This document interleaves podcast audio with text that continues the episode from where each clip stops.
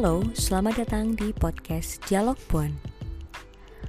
Di podcast kali ini, aku akan sedikit membahas tentang stigma yang mungkin sering kita dengar, seperti perempuan tuh nggak usah bersekolah tinggi-tinggi. Ngapain banyak-banyak cari ilmu? Kamu tuh perempuan. Nggak usahlah berpendidikan tinggi-tinggi, nanti juga di dapur.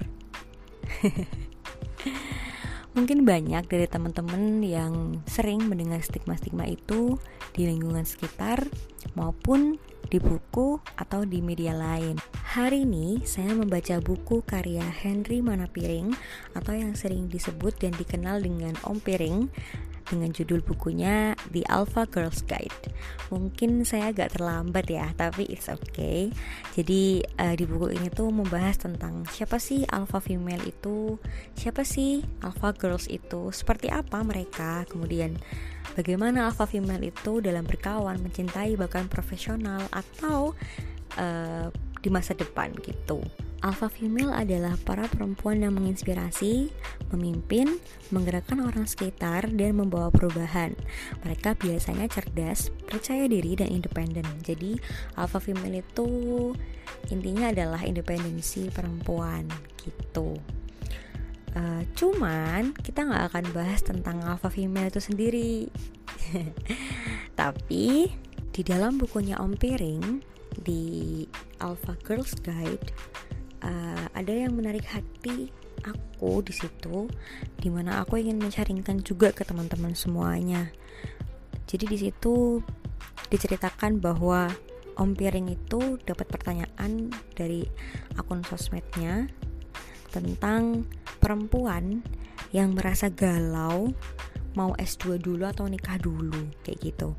Tapi di situ Om Piring membahas secara jelas uh, mulai dari latar belakang kenapa perempuan harus bersekolah tinggi sampai dampak dari ketika perempuan itu bersekolah tinggi gitu.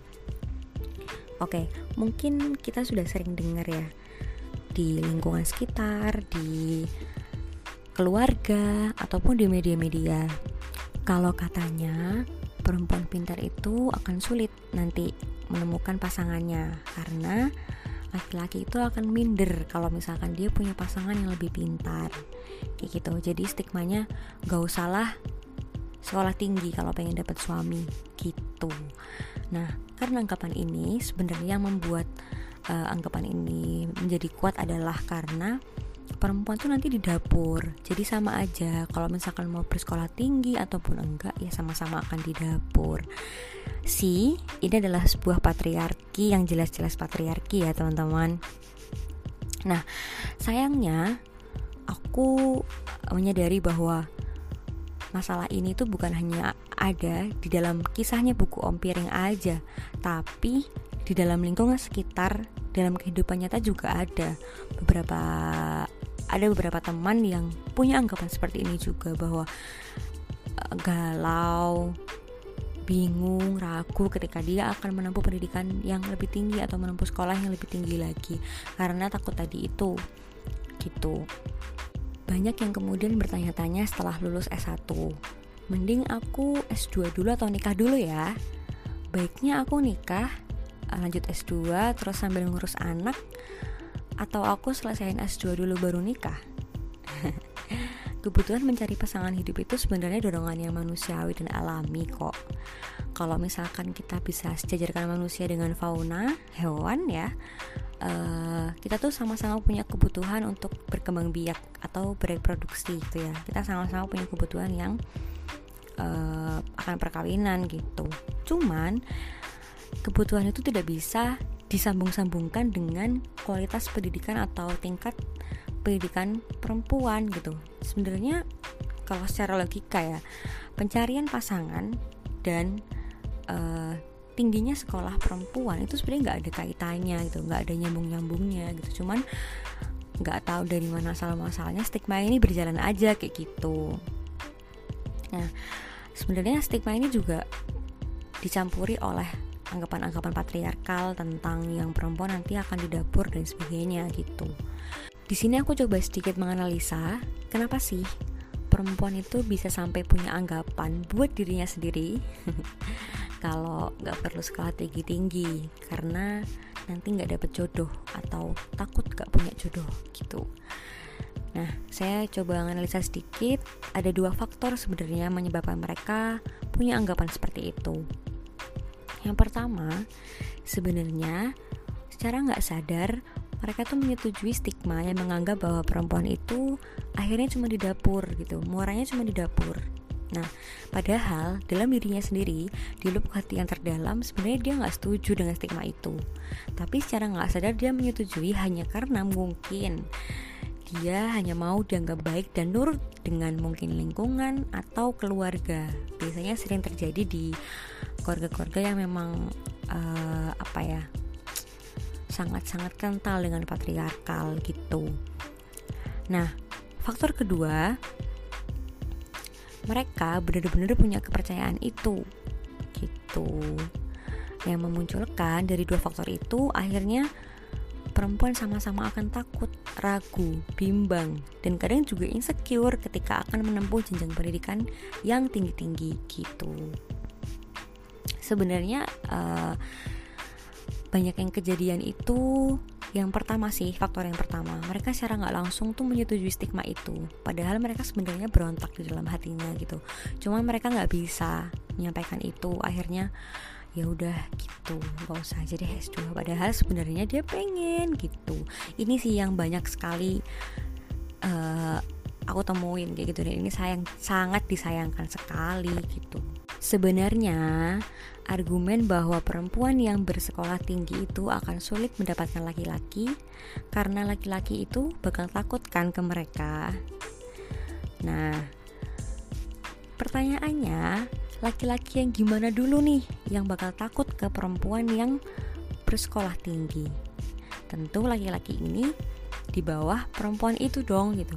Mungkin nggak laki-laki itu pendidikannya lebih tinggi daripada perempuan yang sudah tinggi ini pendidikannya? Tidak mungkin jarang sekali terjadi gitu. Jadi sebenarnya tergantung konteks gitu. Ketika kita uh, menganalisa bahwa ya nanti karena bisa jadi nanti laki-laki itu bakal minder semua gini-gini gitu. Laki-laki yang minder, insecure, takut karena sebenarnya mereka menyadari bahwa kualitas dirinya itu belum belum mencapai kualitas yang dimiliki perempuan itu, bukan? Nah, jadi wajar aja kalau misalkan laki-laki itu takut ke perempuan yang berpendidikan tinggi atau bersekolah tinggi itu gitu. Nah, tapi ini kan tadi ngomongin tentang laki-laki berkualitas yang biasa aja mungkin ya, yang pada akhirnya dia akan takut untuk mendekati perempuan yang berkualitas tinggi, yang bersekolah tinggi gitu. Tapi nggak juga untuk laki-laki yang punya kualitas tinggi juga gitu. Jadi, udah bisa disimpulkan sendiri ya bahwa perempuan itu it's okay untuk berpendidikan tinggi, it's okay untuk sekolah yang paling tinggi gitu. Karena nanti uh, jodoh itu akan akan ngikutin bahkan justru yang lebih berkualitas gitu nah jauh dari itu sebenarnya apa sih dampak dari pentingnya perempuan itu punya pendidikan yang tinggi atau sekolah yang tinggi gitu apa sih efeknya kalau misalkan perempuan tuh punya sekolah tinggi gitu? Nah kalau misalkan sering kita ketahui di lingkungan di sekitar kita mungkin banyak yang pernah dengar banyak yang pernah ikut diskusi atau lihat di sosial media biasanya lebih sering dibahas perempuan itu harus berpendidikan tinggi karena untuk mendidik anaknya nanti ya kan?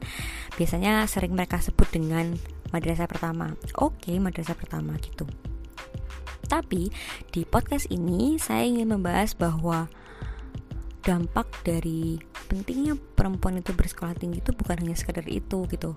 Kalau misalkan pakai alasan itu oke okay lah nggak apa-apa. Cuman pada akhirnya nanti menimbulkan uh, dukungan patriarki tentang pendidikan anak itu dipegang perempuan dong gitu. Padahal kan peran pola asuh atau mendidik anak tuh peran dua-duanya laki-laki dan perempuan gitu. Nah di sini saya akan membawa pembahasan dampak pentingnya pendidikan tinggi bagi perempuan itu. Sebenarnya dia bisa meningkatkan kualitas hidup seluruh manusia di Indonesia guys gitu. Kenapa? Jadi gini kenapa perempuan harus sengaja sekolah tinggi? Walaupun nanti banyak loh laki-laki yang mungkin akan segan dan takut ke dia gitu. Itu karena perempuan bisa meningkatkan kualitas laki-laki gitu. Jadi gini analogi atau skemanya gini. Kalau semua perempuan takut tidak mendapatkan pasangan gitu terus mengalah sekolah sekadarnya untuk memuaskan ego bahwa laki-laki gimana laki-laki itu bisa mendapatkan motivasi untuk meningkatkan kualitas mereka gitu. Nah, seolah nanti laki-laki itu akan berpikir gini, ah ngapain saya sekolah yang benar dan tinggi dan pintar gitu. Toh perempuan-perempuannya juga bodoh dan mereka pasrah demi mendapatkan saya gitu. Jadi kualitas mereka gak akan tinggi gitu. Sebenarnya kalau dilihat dari sini uh, gimana ya perempuan yang berpendidikan rendah itu atau perempuan yang takut berpendidikan tinggi itu justru malah menghambat kualitas manusia uh, lebih luas kayak gitu.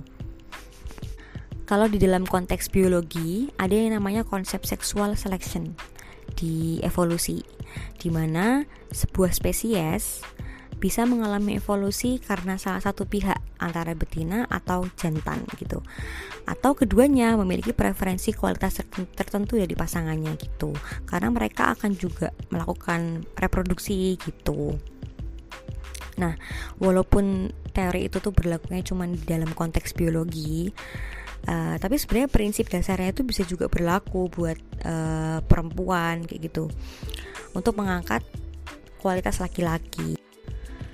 Logikanya gini kalau misalkan perempuan tuh bersama-sama nih bareng-bareng pegangan tangan berani buat bersekolah tinggi melepaskan semua keraguan ketakutan keinsecurean gitu ya untuk bersekolah tinggi dia akan membuat keputusan-keputusan yang pribadi seperti misalnya uh, ketika nanti aku sudah berpendidikan tinggi atau bersekolah tinggi aku akan uh, berhak untuk mendapatkan pasangan yang berkualitas baik juga gitu Nah, uh, anggapan-anggapan perempuan yang berpendidikan tinggi ini secara nggak langsung itu akan jadi pressure atau tekanan sendiri bagi laki-laki biar mereka itu juga sama-sama uh, meningkatkan kualitas mereka demi mereka dipilih sama perempuan-perempuan ini gitu jadi bisa bayangin gak sih kalau misalkan semua perempuan kita di Indonesia nih punya anggapan kayak gitu terus semuanya bisa menempuh pendidikan yang tinggi nih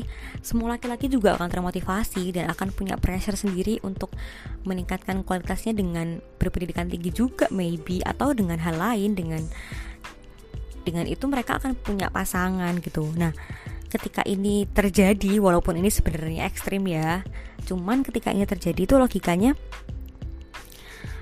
nanti malah perempuan loh yang membuat rasa laki-laki.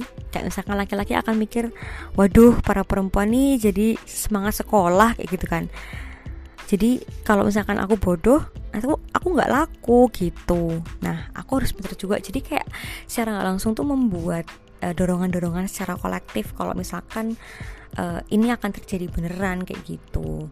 Sehingga dampak dari pentingnya perempuan berpendidikan tinggi atau bersekolah tinggi itu letaknya ada di dia akan bisa meningkatkan kualitas hidup manusia sih gitu teman-teman udah bisa punya gambaran ya gimana untuk bisa membuang semua ketakutan, keinsecurean, keraguan teman-teman ketika mau memilih melanjutkan sekolah atau berhenti gitu.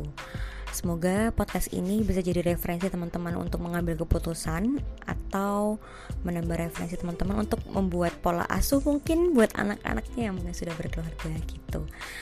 Cukup untuk podcast pertama ini, semoga bermanfaat. Sampai jumpa di podcast Dialog Puan.